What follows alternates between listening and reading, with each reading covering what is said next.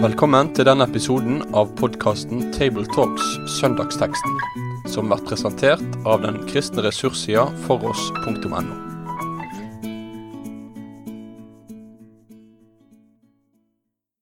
Da ønsker vi velkommen til en ny episode i eh, Tabletalks. og Det er Stavanger-gruppa som er samla her, med Sofie Braut, Øyvind Solheim og Jan Helge Aarseth. Eh, og nå, eh, Denne dagen så har vi for oss bibelteksten knytta til bots- og bededag.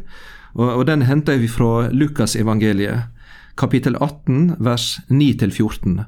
Og Kanskje du, Sofie, kan lese den bibelteksten til oss i begynnelsen? Til noen som stolte på at de sjølve var rettferdige og så ned på alle andre, fortalte Jesus denne likninga. To menn gikk opp til tempelet for å be. Den ene var fariseer og den andre toller. Fariseeren stilte seg opp for seg sjøl og ba slik. Jeg takker deg, Gud, fordi jeg ikke er som andre mennesker, de som svindler, gjør urett og bryter ekteskapet eller som den tolleren der. Jeg faster to ganger i veka og gjev tiend av alt jeg tjener. Tolleren sto langt unna. Han ville ikke engang løfte øynene mot himmelen, men slo seg for bringa og sa, Gud, vær meg synder nådig. Jeg sier dykk, tolleren gikk hjem rettferdig for Gud, den andre ikke. For hver den som setter seg sjøl høyt, skal settes lågt. Og den som setter seg sjøl lågt, skal settes høyt. Far i himmelen, takk for ditt ord. Vi ber om lys over denne teksten. I Jesu navn. Amen. Ja, I denne bibelteksten så møter oss her med det samme en eh, lignelse. Eh, det blir kalt på engelsk for parables, eller parable, noe som en sammenstilling eller en sammenligning. Og Her møter vi en bibeltekst der oss eh, får speile oss sjøl i møte med en enkel fortelling der Jesus eh, illustrerer dype åndelige sannheter. Nå har denne lignelsen, eller denne fortellinga, ei innledning. Og Jesus har tydeligvis et poeng han ønsker å få fram. og Kanskje vi kan si noe om denne innledninga i vers 9. Hva er det slags situasjon Jesus ønsker å illustrere? Han har jo en tydelig adresse til hvem han ønsker å nå med denne lignelsen, altså de som stoler på seg selv at de er rettferdige, og også forakter andre eller ser ned på andre. Jeg syns at Luther har sagt det på sin måte litt fortetta hva det handler om. At om jeg hever meg en hårsbredd over min minste medkristne, så er jeg allerede styrtet i fallet. Eh, og det rammer inn nok noe av det som det handler om her. at vi har lett for å sammenligne oss med andre og sette oss over andre.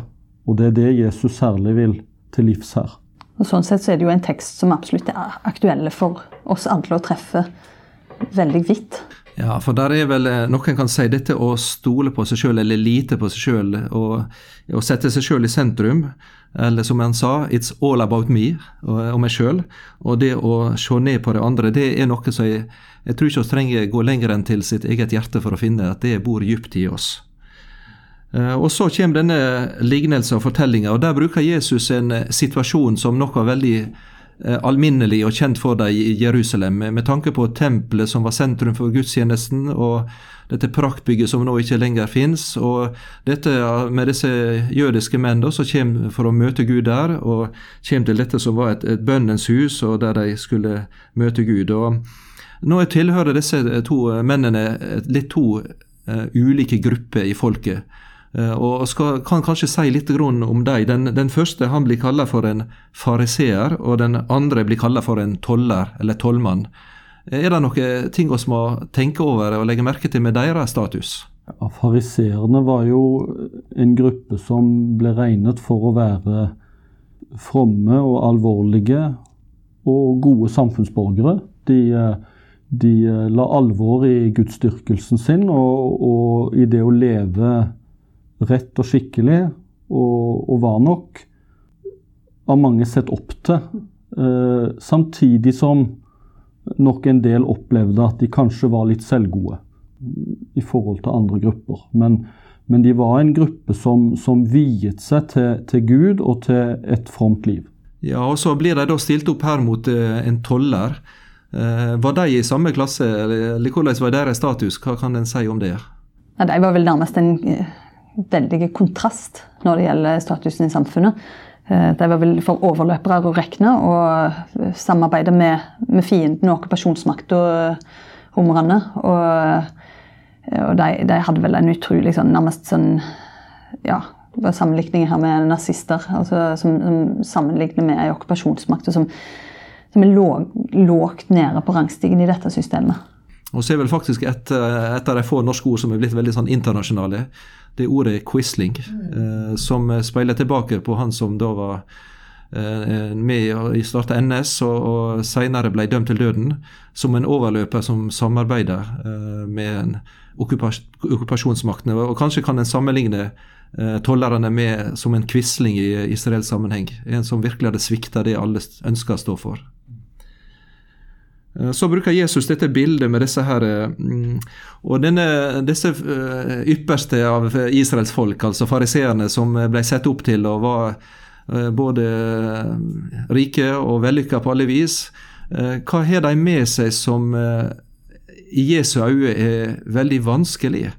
Hva er det som ved deres måte, og denne fariseeren som kommer til tempelet, som Jesus tar fram, som i dette eksempelet her? Ja, allerede i det at vi møter en fariser og toller, og for tilhøreren må det ha vært når de skjønner at Jesus sier at det er tolleren som går rettferdig bort, så allerede her er det på en måte noe som blir snudd opp ned i hodene deres.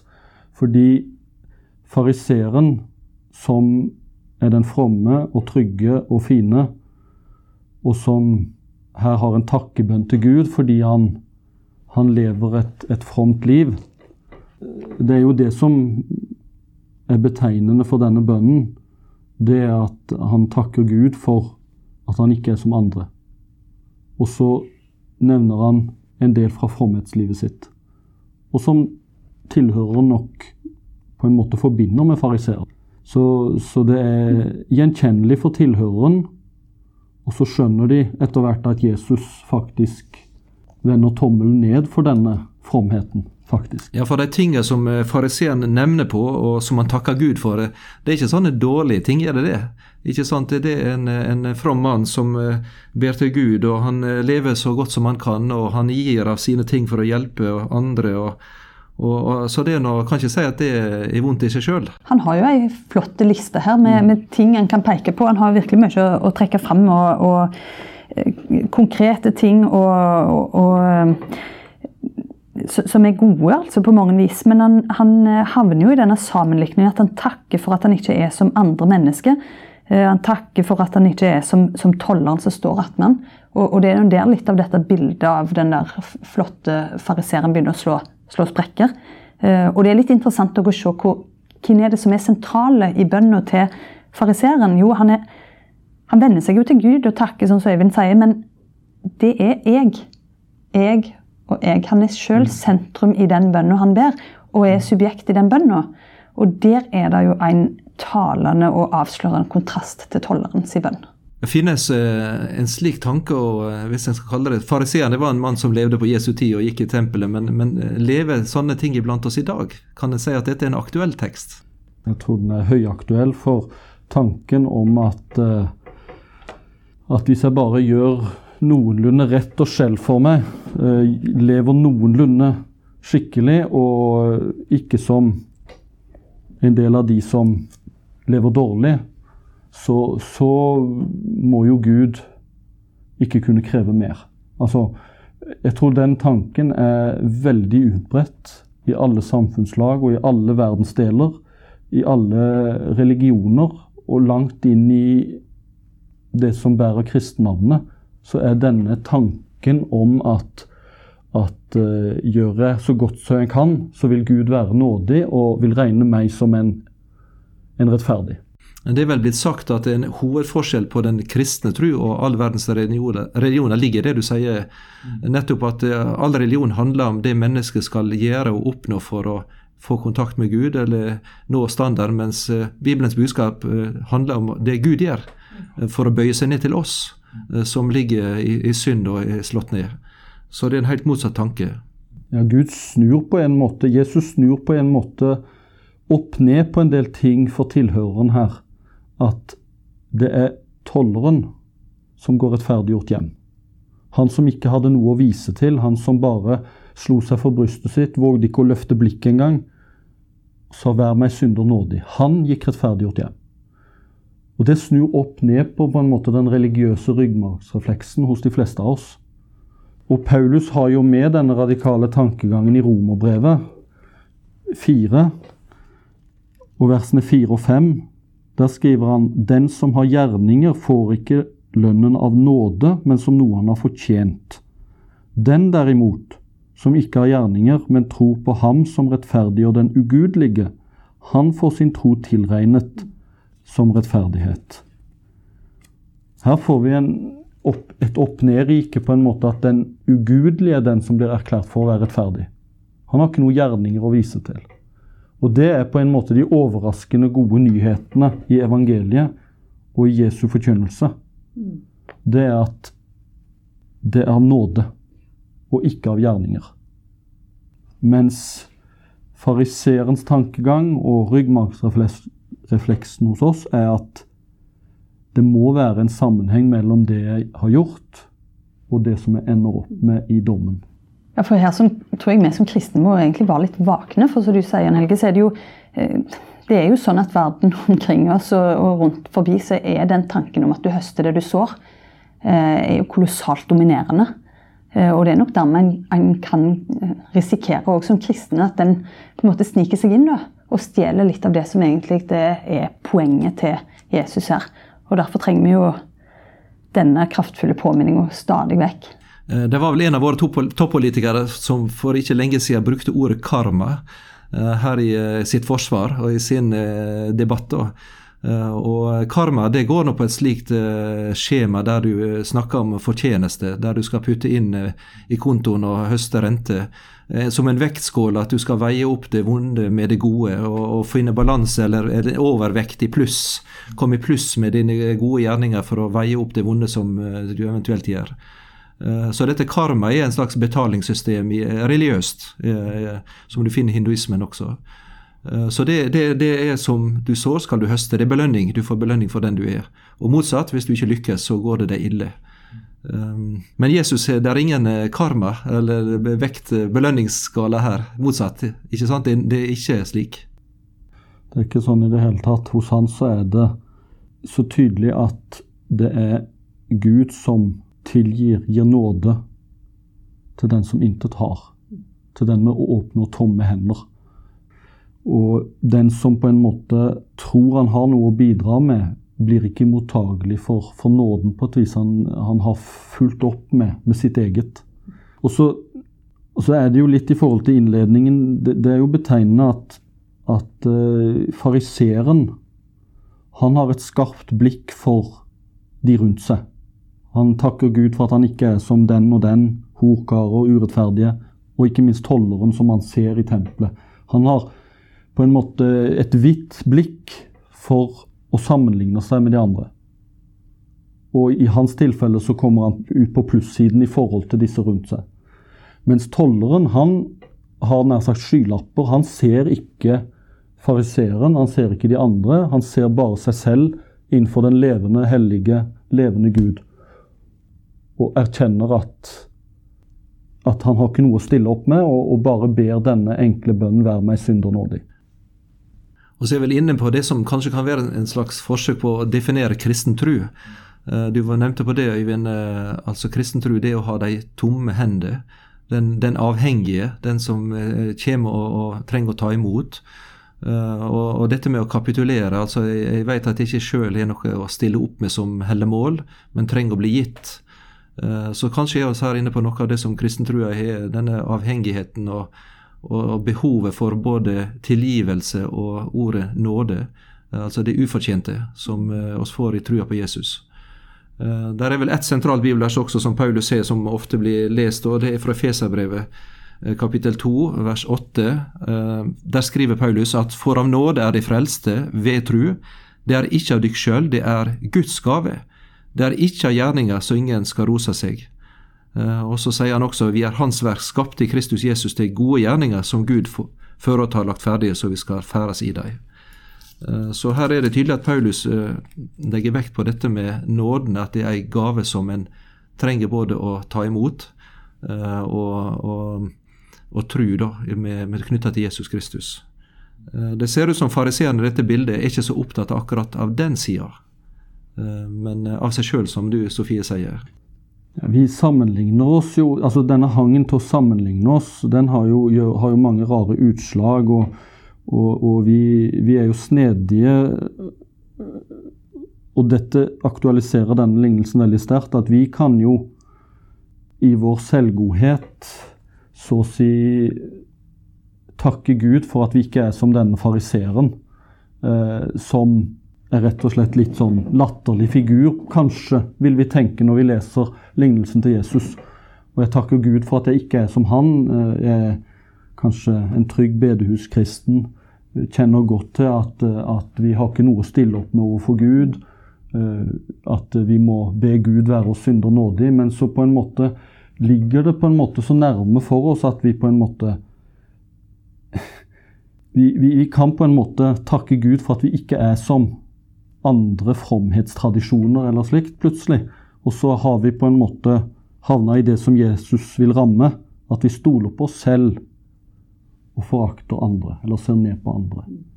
Så, så, Jesus rammer noe som ligger på en måte i vår ryggmargsrefleks her. Den gamle podtopperen i sin katekisme han eh, skriver om den subtile eller litt skjulte avgudsdyrkelsen. Mm. Da nevner han akkurat på det, Øyvind, som du nevner, at en gjøre seg sjøl til avgud, eller bli forelska i seg sjøl og sette seg sjøl i sentrum, eller gjøre sin gudsdyrkelse og gudstjeneste eh, til det viktige og sette det i sentrum, i stedet for en levende eh, Gud. Eh, så det er en fristelse som kan ligge for oss som eh, bekjenner Jesu navn også. Eh, jeg har en fortelling fra Tanzania, der jeg har som misjonær. Det var en misjonslege som var der i mange år. og han eh, var ofte litt skral. Han heter Hinderaker, kom fra Stavanger, og i en periode var på Heidom og ble liggende sjuk. Da var det ei som besøkte han, og da sa han det til henne at det skulle ha vært et ellevte bud. Eh, og Hun klarte ikke å finne ut av det, men han sa det skulle ha vært 'du skal ikke sammenligne'. Eh, det kan slå begge veier. Det kan slå ut i eh, veldig motløshet, fordi en synes alle andre er så mer vellykka og bedre enn det en sjøl er, slik som han som da var sjuk og ikke fikk gjort så mye, og andre var friske og fikk hjelpe. Eller det kan slå ut i en farisisme der en sjøl finner at en er høyere oppe enn de andre, stakkars. Eh, eller det var som en sa, det finnes ikke håp for de håpløse, var en beskrivelse en sa. Og da tenkte han på alle andre, selvsagt, og ikke sitt eget liv. Eh, så det er også en, en, en to ting som kan springe ut av det. Sammenligninger. Denne tolleren han var hjelpeløse. betyr det når han slo seg for brystet og, og, og ba om nåde, så hva tenkes omkring dette? Gud vær meg synder nådig. Eh, hvordan eh, skal vi tenke omkring det? Vi vet eh, at kanskje fra den sammenheng som oss kommer ifra når det gjelder kristenliv her på Vestlandet, så er dette blitt framheva på en måte som kanskje ikke er godt. Altså når jeg tenker på det å, trykke seg sjøl ned og bli veldig sjølutslettende. Tror nok noen kan sette det i sammenheng med en slags sjølutslettende tradisjon. ja, at en liksom, ja, en, Sånn som tolleren her, som han ville ikke engang løfte øynene mot himmelen, men slo seg for bringe. Og, og vi ser for oss at en, at en har et sånt ned, nedtrykt, nærmest ytre. Men, men, de som sier at dette er en sjølutslettende tekst, og en invitasjon til liksom den type sjølutslettende liv, den har på en måte egentlig glemt å få med seg siste delen her. For der, der står det jo noe om at den som setter seg sjøl lågt, skal settes høyt. Så det er egentlig Guds rikes logikk som blir tydelig for, for oss her gjennom Jesu ord. For han, han, sier jo noe om at en skal bli sett, sett, høyt, men hvem er det som er den som handler? Hvem er det det kretser rundt? Og Da er det jo den overgivelsen til tolleren som blir det viktige. At han er totalt overgitt til, til Gud og Hans nåde. Og der ligger jo forskjellen. Og så blir han da løfta opp, sånn som vi ser i slutten av teksten. Så, så, så så Sånn sett så er det en, veldig viktig å henge med helt til slutten her. Tolleren ser ikke annet perspektiv enn at han, at han ikke har noe å stille opp med overfor Gud. Han er rystet og har sine skylapper og ser bare den levende Gud, og at han selv ikke har noe å, å vise til. Eh, og i Paulus sin måte å snakke på, så har han ikke noen gjerninger, ingenting å skryte av, vise til. Men som du sier, konklusjonen er jo at det er nettopp han som får en rettferdighet som overgår på en måte all forstand, for å bruke et sånt uttrykk. Og Paulus i, i Filipperbrevet, kapittel 3, han, han, han, er jo en som har oppdaga at evangeliet om Jesus og rettferdigheten i den er mye mer verdt enn den fromheten som han kunne stille opp med, den skrytelista han kunne stille opp med. Så han elsker jo evangeliet om Jesus mer enn sin egen fromhet. Så her er det ingen konkurranse i å være et mest mulig null og ingenting. Men eh, det er en som opplever i sitt liv at ting har gått i stykker. Også som dere nevner på begge to, så kommer Guds hånd inn i denne som ligger nede og har et knust hjerte og hjelpeløs, og løfter den opp. Ja, Jesus sier det som du sa, Sofie. Det er ikke den andre, men denne og ikke den andre gikk rettferdiggjort hjem til huset sitt. Altså han er i Guds øye eh, en skapning som er rettferdig, altså som er heil og plettfri og fullkommen. Eh, fordi han har fått tilgivelse. Eh, og det vet vi fra resten av Bibelen, det kommer gjennom trua på Jesus. da. Så det løfter opp den svake og den små. Det, det, er ikke snakk om å være null og trykke hverandre ned, men det er heller å løfte den hjelpeløse opp. Og Paulus har jo oppdaga en, en, sammenligning som egentlig uh, En annen sammenligning som er mer verdifull. Og det er sammenligningen mellom den fromhet som han selv kunne vise til, og den som han får hos Jesus. Og Paulus konkluderer med i Filipperne 3, etter at han har nevnt skrytelista si fra sitt fromme fariserliv, som han, han kunne Han har slags skryteliste sånn som fariseeren i tempelet. Men så sier han Men det som var en vinning for meg, altså som han kunne skryte av, det har jeg for Kristi skyld aktet som tap. Altså Han har sammenligna den fromheten med den fromheten eller det han får hos Kristus. Og den er mye mer verdt, sier han. Ja, jeg akter i sannhet alt for tap, fordi kunnskapen om Kristus Jesus min Herre er så mye mer verdt. For Hans skyld har jeg tapt alt. Jeg akter det for skrap for at jeg kan vinne Kristus og bli funnet i ham. Ikke med min egen rettferdighet, den som er av loven, men med den jeg får ved troen på Kristus, rettferdigheten av Gud på grunn av troen. Så Paulus har oppdaga at den rettferdigheten han får ved troen av Jesus, den er mye mer verdt enn den fromhet han har sjøl. Og Det er jo de, type, de to forskjellige vi ser i fariseeren og tolleren i tempelet òg. At det var tolleren som gikk rettferdiggjort hjem. Han fikk denne skatten som Paulus oppdaga seinere. Og det er jo en bedre sammenligning, da. Ja, og da er det kanskje ett sentralt ord som eh, kommer opp her. Det er dette han ber om. Vær meg synder nådig, og han får nåde den ufortjente gunst og tilgivelse og oppreisning, som ikke var bygd på hans eh, egen fortjeneste, men på Guds gode gave og Guds kjærlighet, og tilgivelse i Kristu Jesu verk. da. Eh, det trenger oss å løfte fram, eh, fordi verden er veldig nådeløs. Og så lever vi i en verden preget av konkurranse og gradering. og så kommer Guds ord inn med et ord om nåde, det ufortjente til det mennesket som ligger nede. Med det sier vi takk for følget for denne gang. Finn flere ressurser, og vær gjerne med å støtte oss på foross.no.